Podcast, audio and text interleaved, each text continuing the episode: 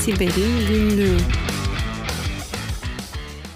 Siber'in gününden herkese iyi haftalar ben Tuğba. Ee, bu hafta Murat ve Kerem'in yokluğunda benimle idare edeceksiniz. Ee, Allah'a çok şükür bu hafta çok fazla hacking haberi yok. O yüzden size e, çok özel bulduğum, çok değişik bulduğum bir haberi sunuyor olacağım. Hazırsak başlayalım. SVB Bank'ın iflasını duymuşsunuzdur arkadaşlar. İşte e, genel dünya çapında 8500 çalışanı olan bir banka. E, Cuma günü iflasını açıkladı.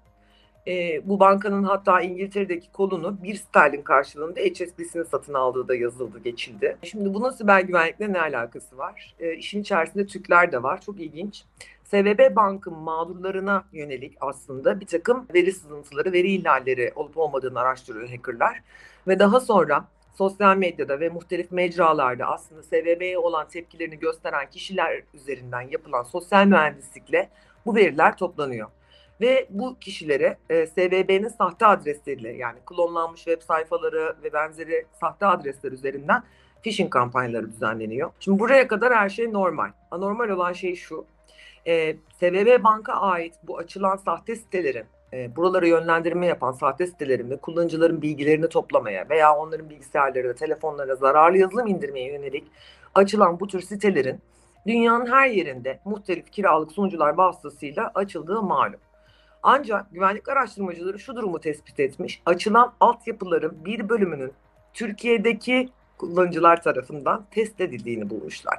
Dolayısıyla aslında buradaki hacking olayının Türkiye'den kaynaklandığını, Türk hackerlar tarafından gerçekleştirildiğini düşünüyorlar ve bu konuda e, detaylı bir soruşturma başlatılmış vaziyette.